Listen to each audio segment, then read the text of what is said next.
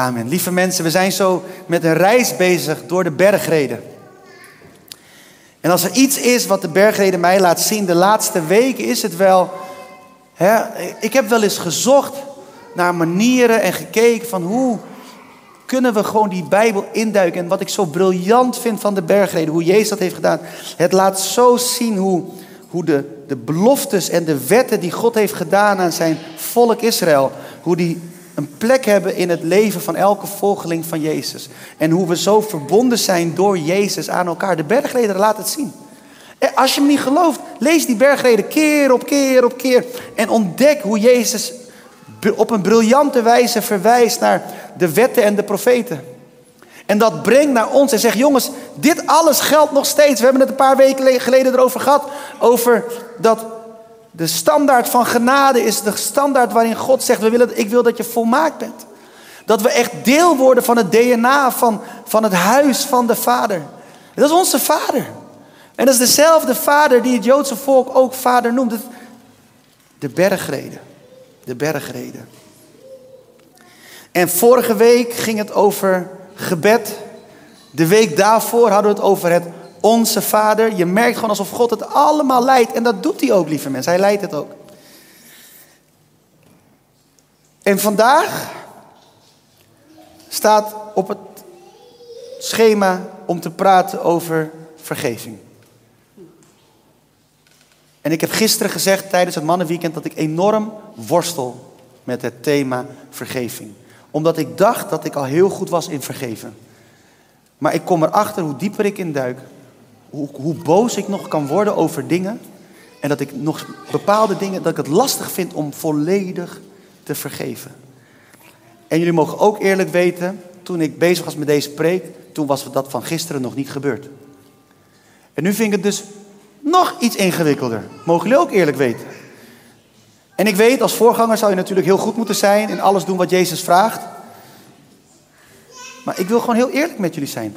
Als ik dan een nieuwsbericht lees over een demonstratie die ze willen houden, dan, dan, dan denk ik, oh, ik vind dat lastig.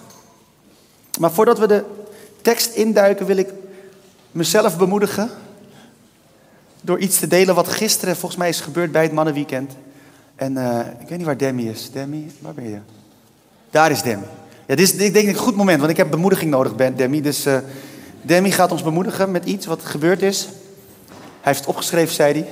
Hij wist gisteren nog niet of hij durfde te zeggen. Je moet wel hier staan, zodat iedereen je goed kan zien. Hou jezelf de microfoon vast. Moet ik hem vasthouden? Kan wel, hè? Heel goed. Goedemorgen. Het is voor mij best wel een stap om hier te gaan staan. Maar ik wil dit heel erg graag delen. Uh, ik kom hier inmiddels vier jaar bij Reconnect. Afgelopen vrijdag en zaterdag mijn eerste wandelweekend mogen bijwonen. We voelden het hele weekend en zeker vrijdagavond onze lieve vader met ons, ons om ons heen. Ik ben nu een maand of zeven aan het trainen voor de marathon van Amsterdam. Die wil volgende week plaatsvindt. In de laatste twee maanden zijn mijn voorbereidingen wat verstoord door wat klachten aan mijn linkerknie. En wat aanpassingen tijdens de trainingen heb ik gewoon door kunnen trainen zonder al te veel pijn te krijgen aan de knie. En tot vorige week, toen ik na vier kilometer uitviel en ik niet verder meer kon lopen en voor de rest ook de pijn voelde tijdens het wandelen. Tijdens mijn gebeden afgelopen week meerdere keren gevraagd aan de Heer voor wijsheid of ik de marathon wel zal lopen of niet zal gaan lopen. De Heer was over dat onderwerp heel erg stil. Ik keek omhoog. Ik zei elke keer tegen de Heer: Heer, wat wilt u? Wilt u dat ik hem doorloop? Of wilt u dat ik hem gewoon rust geef, de knie? Geen antwoord. Tot gisteren. Ik kwam in gesprek met Thomas, die daar zit. Hij vroeg hoe het ging met de voorbereidingen van de marathon. Uitgelegd over mijn knie. Hij vroeg op dat moment: Mag ik voor je knie bidden? Ik zeg uiteraard. Zeker. Hij legde zijn hand op mijn linkerknie. Ik voelde de warmte. Ik dacht van dat is zijn temperatuur van zijn hand. En ik dacht van wow, wat is deze warmte opeens op mijn knie? Hij was klaar met het gebed. En het voelde anders. Het voelde wat stijf en, en geen pijn. Maar ik dacht, dat is gewoon een minuutje even geen pijn. En dan gaan we gewoon weer verder. Maar een paar uur later, een paar uur later dacht ik van, hé, ik, ik voel nog steeds geen pijn. Wat is dit? Dus ik ging allemaal oefeningen doen om te kijken of ik echt geen pijn had.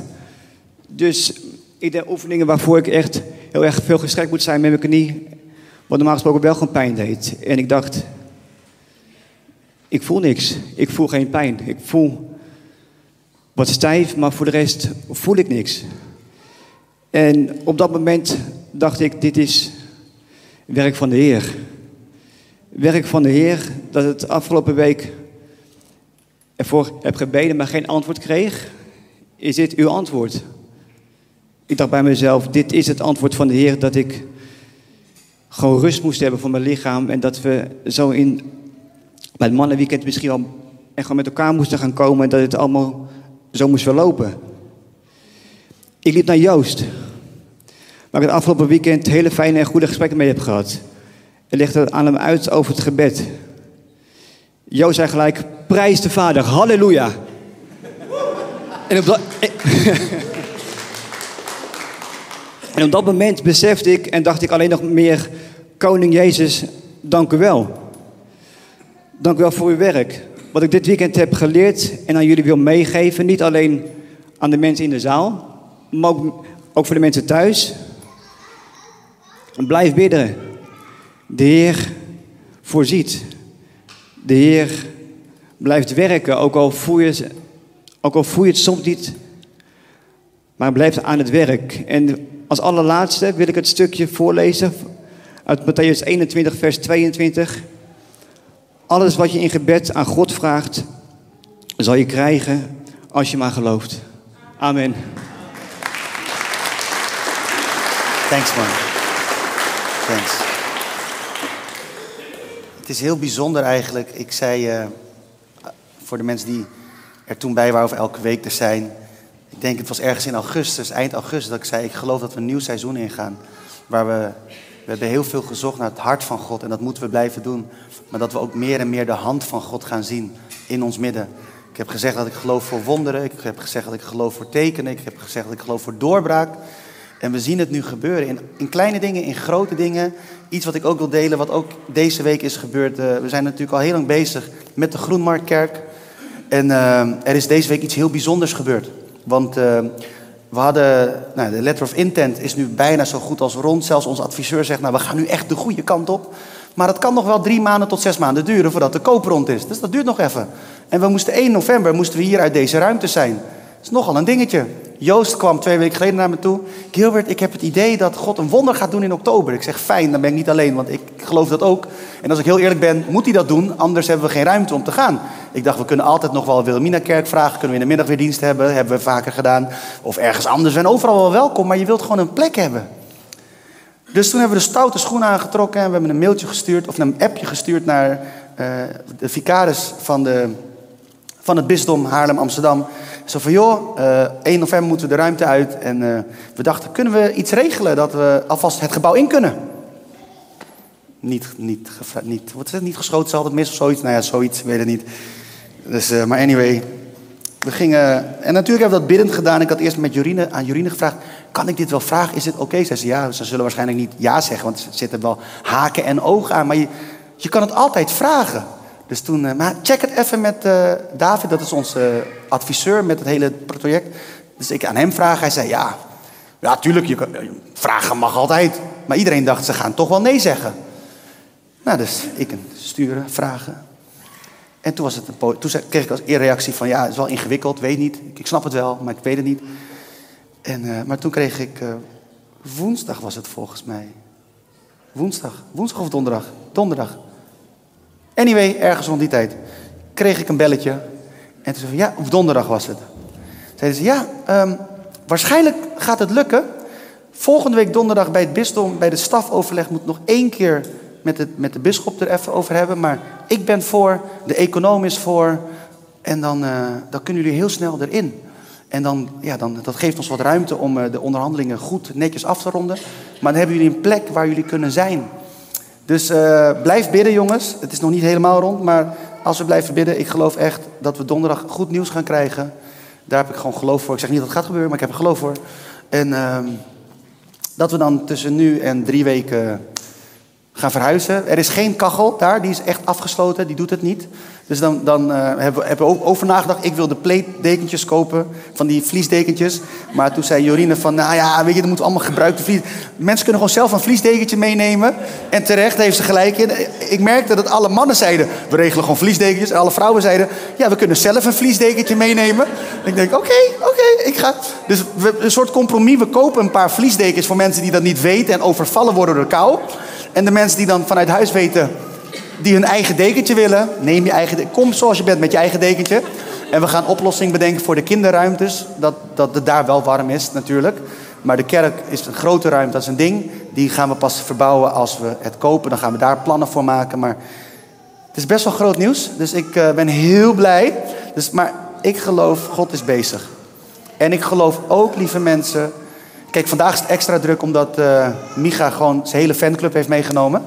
Maar we zien ook al in de kerk dat het steeds drukker wordt. Uh, van, ze zetten steeds meer stoelen neer. En ik geloof echt dat we in een seizoen komen waar we ruimte moeten gaan maken voor mensen die gaan komen. Wanneer God gaat bewegen met zijn hand en wonderen gaat doen en mensen genezen, mensen op bevrijding krijgen, hersteld worden.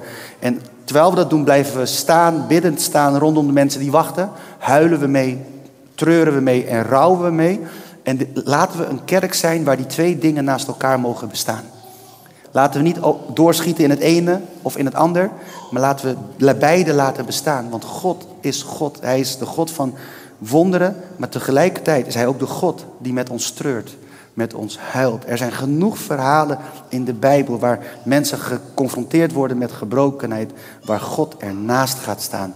En niet meteen met een gigantisch mooi wonder komt, maar dat Hij treurt en huilt en er is en troost.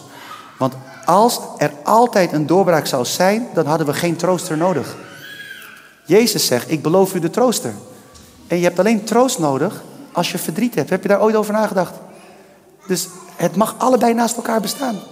Als we nooit een trooster nodig hadden, dan hadden we geen trooster gekregen. Denk, handig toch? Zo praktisch is onze God. Dus die twee naast elkaar. Oké, nu heb ik nog acht minuten voor de preek. Matthäus 6, vers 14 en 15. Daar staat, want als jullie, hun, als jullie anderen hun misstappen vergeven, zal jullie hemelse vader ook jullie vergeven. Maar als je anderen niet vergeeft, zal jullie vader jullie je misstappen evenmin vergeven. Toen ik dit las, toen dacht ik, wauw, vergeving is belangrijk. En vergeving is zo irritant, maar ik geloof ook als we geloven dat we in een seizoen gaan van wonderen en tekenen, dan geloof ik dat dit deel moet worden van ons DNA. Dit moet zo in ons systeem gaan zitten dat we een volk zijn waar vergeving hoog in het vaandel staat. Want ik ga niet zeggen dat wanneer je geen genezing hebt, dat je dan niet vergeeft. Maar ik ga je wel in alle vrijmoedigheid zeggen dat wanneer je niet wil vergeven, dat het een obstakel kan zijn voor genezing. Dat zijn twee verschillende dingen, hè? het is niet hetzelfde. Dus hoor me goed, ik zeg niet wanneer heb je niet vergeven, dat zeg ik niet. Maar ik zeg wel, wanneer je niet wil vergeven, dan zou het zomaar echt een obstakel kunnen zijn voor genezing. Vergeving is heel belangrijk. Twee weken geleden keken we naar het Onze Vader en in vers 12 zagen we daar toen het volgende staan. Vergeef ons onze schulden, zoals ook wij schuldig is. En de tekst van vandaag zou je kunnen zien als extra uitwerking van deze woorden in vers 12. Het is eigenlijk de enige, de enige woorden van het Vader waar Jezus extra uitleg aan geeft. Daarin mee zegt Jezus ook hoe belangrijk vergeving is. Al het andere laat hij gewoon als een gebed en leert hij het ons. Maar bij deze woorden, vergeef ons onze schulden, zoals ook wij vergeven wie ons iets schuldig is. Daar gaat hij, komt hij op terug in vers 14. Want als jullie anderen hun misstappen vergeven, zal jullie hemelse vader ook jullie vergeven. Maar als je anderen niet vergeeft, zal jullie vader je misstappen evenmin vergeven. Het is zo belangrijk om vergeving als onderdeel van je leven te hebben. En zoals ik net al zei, het is niet zo dat wij automatisch worden vergeven omdat wij anderen vergeven. Dat zei ik net niet, maar ik bedoel, dat is het niet. Het is niet dat je als het ware vergeving koopt door anderen te vergeven. Het is echter wel een voorwaarde om vergeving te kunnen ontvangen. En ik heb daar heel lang over nagedacht, mogen jullie eerlijk zeggen, mogen jullie eerlijk weten. Want ik dacht, dat is toch hetzelfde, Heer? Dat dacht ik echt. Dus ik ging met God worstelen. Ik ging met hem praten. Ik ging hem vragen: Heer, geef me een voorbeeld. Laat mijn simpele brein dit snappen. Laat het me begrijpen. En, en toen kreeg ik een voorbeeld op mijn hart. En ik denk: Oh ja, dat is het. Dat is het. Kijk, het is heel simpel. Wanneer je iets koopt, dan is het van jou en heb je er recht op. Maar wanneer we iemand vergeven, is het niet zo dat we daarmee het recht op vergeving kopen. Nee, wanneer we iemand vergeven, kunnen we vergeving ontvangen. En dat kan je het beste vergelijken met dat je je volle handen leegmaakt zodat je weer iets nieuws kan ontvangen. Wanneer je niet wil vergeven, dan loop je met, met, met het verleden in je handen. Wanneer je niet wil vergeven, dan loop je met de pijn in je handen. Wanneer je niet wil vergeven, dan loop je met boosheid in je handen. En dat kan uitgroeien tot haat, tot bitterheid. Maar wanneer je vergeeft, zeg je, ik laat het los. Ik geef het terug aan God. En dan kan je wel boos zijn, maar dan kan je met opgeven handen naar God zeggen, Heer, ik geef het terug aan u. Ik ben er klaar mee, ik geef het terug. En daar op dat moment zijn onze handen vrij om de zegeningen van God te ontvangen. Onze houding tegenover andere mensen heeft in sterke mate invloed op onze relatie met God. En dat gaat de andere kant precies zo op. Als we een goede relatie hebben met God, dan zal dat ook tot uiting komen met hoe we naar andere mensen zijn. En daarom is die vrede van God zo belangrijk. Wanneer we de vrede van God hebben, zal dat in alles wat we doen zijn uiting hebben. Er bestaat dus echt een verband tussen het ontvangen van vergeving van onze hemelse Vader en het vergeven van onze medemensen. En nogmaals, dit is geen ruilhandel van voor wat hoort wat, maar het is een geestelijke wisselwerking. Vergelijkbaar met een bloedsomloop die verstoord kan worden wanneer we niet willen vergeven. Wanneer we niet willen vergeven, zegt dat iets over onze band met onze hemelse Vader.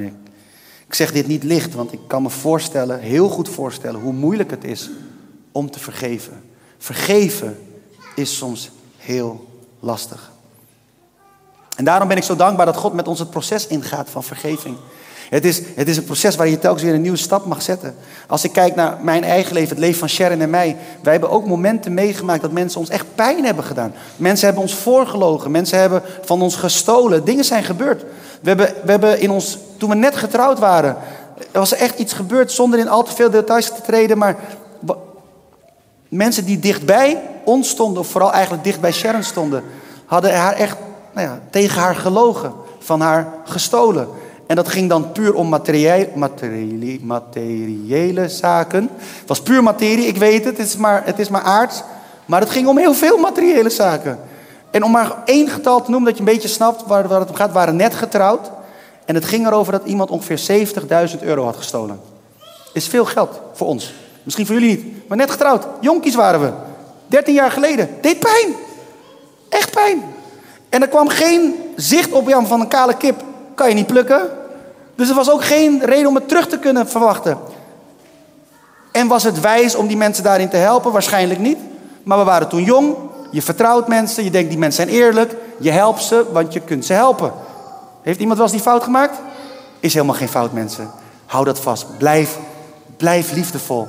God is onze rechter. God strijdt voor ons. Hij helpt ons. Maar wij hadden het toen heel moeilijk. Want we waren best wel arm toen eventjes. Mogen jullie weten. Maar God is goed. Hij heeft voor ons gezorgd. Maar dan ga je een proces in dat je mensen moet vergeven. En het is knap lastig, mag, ik je, mag je weten, als je iemand moet vergeven die geen sorry wil zeggen. Ik vond dat lastig. En ik ben zo dankbaar dat God toen, 13 jaar geleden, niet zei: Gil, als je nu niet vergeeft, dan vergeef ik je niet en dan ga je naar hel. Dan was ik echt verloren, had ik een probleem. Maar God liet me gewoon even sudderen in mijn gevoel voor recht en boosheid. Hij liet me bakken. Sterker nog, ik mocht gewoon, we mochten gewoon starten met Reconnect en hij zegende Reconnect. Als ik terugdenk, wat een genade van onze Vader. Ik zat toen nog zo in een proces van boosheid, van bitterheid, niet willen vergeven. Terwijl ik sprak over de God van vergeving en de God van liefde. En ik had niet eens door dat ik daar nog mee worstelde. Want ik werd er niet mee geconfronteerd. Ik denk dat God het in een soort isolatiebokje had geplaatst. Zodat ik op andere fronten kon groeien. Totdat hij dacht waarschijnlijk, oké, nu ben je er klaar voor Gil. Je denkt dat je er bent? Doosje gaat open. En uh, het leek op dat doosje van, uh, hoe heet dat ding ook alweer? Pandora, ja. Wie, wie zei dat nou? Ja, dat is het, je kent hem toch, het doosje van Pandora. Dat ging een beetje, ik dacht, oh, zit dat nog allemaal in mijn leven? Oh boy.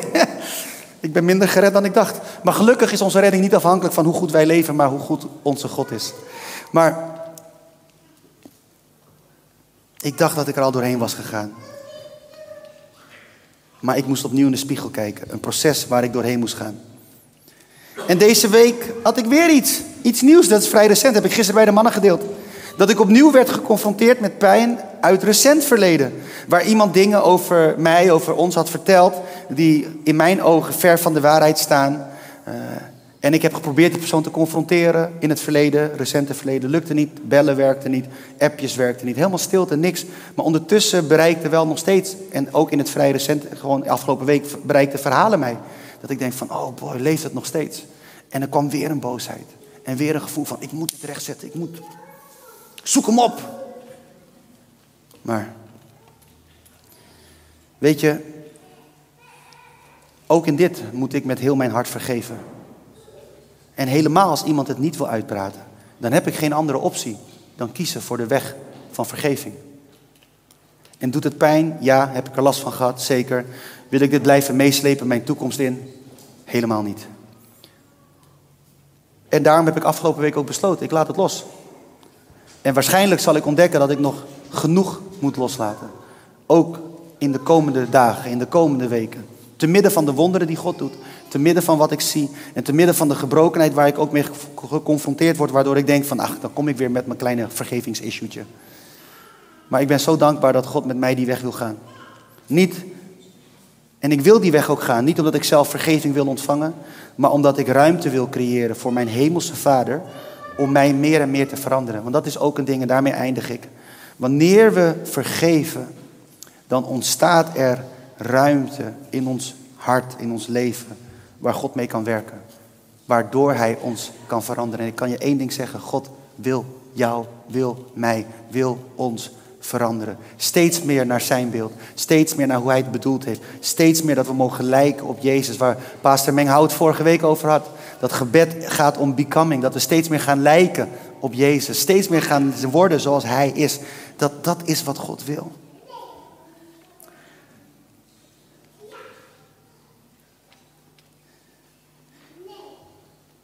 En als laatste voorbeeld. Ehm, ik had dit moeten voorbereiden, heb ik niet gedaan. Kan, kan iemand een glas water voor me pakken? Lukt dat? Of een beker water of iets? Ik zie allemaal mensen nu tegelijk bewegen en rondkijken. Jullie zijn echt geweldig. Even kijken. Wie hier is uh, sterk? Sonja, kom naar voren. Je bent de enige die je hand opsteekt. Sonja is heel sterk. Echt waar, als je niet weet. Sonja doet aan deadliften, heet het hè? Powerliften. En, uh, of powerliften. En, en Sonja kan echt heel veel... Ben je comfortabel genoeg om te zeggen hoeveel je kan liften? Uh, deadliften denk ik nu 115, 120 als we één keer 115, 120 kilo. Ik, ik vind dat best wel uh, een dingetje. Zou jij voor mij, want jij bent sterk. sterk ik had echt verwacht... Het is echt, daarin moet God me ook veranderen. Echt waar, ik ben in het proces, jongens. Ik had echt verwacht, er gaat een, een van de stoere mannen hier steekt zijn hand op. Maar nee hoor, een van de stoere vrouwen als één keer. Dus awesome. Um, ik heb je assistentie nodig. Ik wil iets demonstreren. Het is een, een, bekend voorbeeld. Misschien ken je het al. Jaren geleden heb ik het voor het eerst gezien. Toen de dokter, dokter Robbie Sonderegger bij ons in de kerk. Toen we nog in de veel zaten. Uh, en hij liet toen ook iemand uh, een glas vasthouden. Een glas water. En het ding is, je moet het glas water zo vasthouden. Gewoon met gestrekt arm. En dan, ja, je mag gewoon naar voren en gewoon gestrekt. Helemaal gestrekt. Zo. Nou ja, en dit is eigenlijk, als je niet wil vergeven, is dit wat er gebeurt. Het is heel makkelijk, hè, zo, hè? Niet zo moeilijk. Best comfortabel. Het ding is, als je dit... Nou ja, ik, het is jammer dat het eind van... Ik had dit eigenlijk aan het begin van de preek moeten doen. En dan vragen hoe het gaat. Want het ding is... Nou, je moet wel recht gestrekt en zo recht houden. Ja, dankjewel. Ja, je bent sterk. Maar het ding is, als je dit gewoon blijft doen... In het begin voel je het helemaal niet. En dat is met vergeven ook. Als je niet wil vergeven, in het begin heb je er helemaal geen last van. Dat is best wel oké. Net als een glas water, kan je gewoon doen. Maar het ding is, als je dat langer vasthoudt, met zo'n glas water, misschien na 5 à 10 minuten, in het geval van Sonja na een half uur, dus zoveel tijd hebben we niet meer. Maar na een half uur ga je het voelen. Dan gaat het branden, dan gaat het pijn doen. Het is zelfs zover, medisch gezien, als je het een hele dag vasthoudt, wordt je arm gevoelloos en kan je zelfs verlammingsverschijnselen krijgen in je arm. Door een glas water Grappig, hè? Je moet wel je arm gestrekt houden. Ja, dankjewel. maar, dus wanneer God zegt dat we moeten vergeven, doet hij het allereerst voor ons. Omdat hij houdt van ons. Hij wil niet dat ons leven gevoelloos wordt. En hij wil niet dat ons leven verlamd wordt. Hij wil dat we blijven voelen. Hij wil dat we in beweging blijven. Hij wil dat we kunnen blijven lachen. Het, het, het, is te kort, hè? Het is nog steeds heel comfortabel hè, voor jou. We hebben echt een uur nodig. Nou, dus blijf even zo staan na de dienst. Tijdens de aankondigingen. Nee, grapje. Nee, dankjewel. Nee. oh. Volgende keer doen we dit aan het begin van de preek. En dan doe ik een extra lange preek, geleid door de geest. Maar lieve mensen, dit is dus de uitnodiging voor ons allemaal. Om los te laten. En als God iets in je hart brengt waarvan je denkt van, oh, hey, dit, als je dit niet loslaat, dan kan dit wortel schieten en kan het bitterheid veroorzaken. Dan kan deze boosheid, dit onrecht. En, ik, en luister me goed, hoor me goed. Ik, wanneer ik zeg dat je iemand vergeeft, betekent het niet dat je daarmee goed praat wat die ander heeft gedaan. Het betekent ook niet dat je er akkoord mee gaat. Het betekent ook niet dat het, niet dat het minder erg is. Nee, dat betekent het allemaal niet. Het betekent dat je zegt, Heere, u mag de rechter zijn over het onrecht wat mij is aangedaan. Dat is wat je eigenlijk zegt wanneer je vergeeft. Wanneer je het vasthoudt, zeg je, ik, ik ga het zelf fixen. Ik ga het zelf regelen. Ik ga er zelf voor vechten. Maar wanneer je het loslaat, zeg je, Heer, ik geef het aan u. Aan u. U bent mijn rechter. Only God can judge me. Dat zei een bekende rapper ooit. Wie weet welke rapper dat was? Wie was dat? ik had eigenlijk geluid van hier links uh, verwacht, uh, onze rapper hier. Maar ja, klopt. Maar dat is echt waar. Alleen je moet het niet gebruiken als excuus. Je moet het gebruiken uit eerbied en uit diep respect voor de Allerhoogste God. En God houdt te veel van ons dat ons leven gevoelloos wordt en verlamd raakt. Hij wil dat we zijn warmte blijven voelen, zoals Demi dat gisteren mocht ervaren. En dat hij dacht dat Thomas zijn hand zo warm was. Hoe mooi is dat, dat je zo denkt over je broeder, dat hij zo warm is. Maar dat was niet Thomas, het was de Heilige Geest door Thomas heen die iets deed. Geweldig. En ik wil daar een moment voor bidden en ik wil jullie daarin voorgaan. Als we daar gewoon even een moment stil kunnen zijn. Ik ga niet vragen voor wie dat geldt, maar gewoon voor ieder voor zichzelf. En als je zoiets hebt van, hé, hey, ik wil hier na de dienst over doorpraten, uh, schiet iemand aan met een, met een badge van, van, ik weet niet wat er bij onze badge staat eigenlijk, maar er staat iets. En zij kunnen je vast met iemand in gesprek brengen, dat je even kan praten, misschien gebed. We, we hebben de droom om echt het ministriegebed op te zetten en dat willen we ook echt doen. Juist omdat we geloven dat we in een nieuw seizoen zitten. Dus het gaat gebeuren, jongens. Er gaan dingen gebeuren, er gaan dingen loskomen. Maar ik wil nu voor jullie bidden. En eigenlijk ook voor mezelf, voor ons allemaal. Vader, zo komen voor u in de naam van uw zoon Jezus. En ik kom voor u met open handen. Heer, als symbool dat ik wil loslaten. Heer, de, het onrecht en de pijn en de boosheid, Heer, waar ik nu misschien aan moet denken, ik wil het loslaten. Heer, en daarmee zeg ik niet dat ik er helemaal ben. Daarmee zeg ik niet dat ik, er, dat ik gearriveerd ben. Want ik weet, er is nog zoveel in mijn hart wat, wat, wat nog niet eer brengt aan u. Er is nog zoveel er zijn nog lagen van pijn en van verdriet en van misschien zelfs van boosheid die ik nu niet zie, maar u weet ervan. Maar ik dank u wel dat ik nu mag geven wat ik nu zie en wat, waar ik nu aan moet denken. En niet alleen ik wil dat doen, maar en ieder die hier zit die dat ook heeft, ik wil dit geven aan u. Heer, opdat, niet dat we daarmee zeggen het is oké wat er is gebeurd, want het is niet oké en het zal nooit oké zijn. Maar we willen wel tegen u zeggen, Heer, u bent onze rechter. U strijdt voor ons. We willen net als David niet tegen die strijd optreden met onze eigen manieren en onze eigen ratio en onze eigen middelen, maar we willen tegen elke vorm van strijd, tegen elke vorm van onrecht, tegen elke vorm van pijn opkomen. In de naam van de God van de legers van Israël, zoals David dat ook zei. Heer, dat willen wij doen. Heer, en zo kom ik voor uw troon. En samen met al mijn broers en zussen die datzelfde hebben en hetzelfde ervaren. En we geven het aan u. We laten het los. Zodat er gevoel kan komen in ons leven, sterker dan ooit. Zodat we in beweging mogen komen en dat we vrij mogen zijn van onvergevingsgezindheid. En Heilige Geest, dank u wel dat u de trooster bent. En dat u ons troost in het verdriet. En tegelijkertijd dat u ook de God bent die kracht geeft. En ons vult met kracht. Zoals ook werd gezegd door Petrus op de dag van Pinksteren. Maar gij zult kracht ontvangen wanneer de Heilige Geest over u komt. En gij zult mijn getuige zijn. Hier in deze stad, daarbuiten en over de hele wereld, heren. Dank u wel dat u troost en kracht geeft. Troost zodat wij verder kunnen gaan.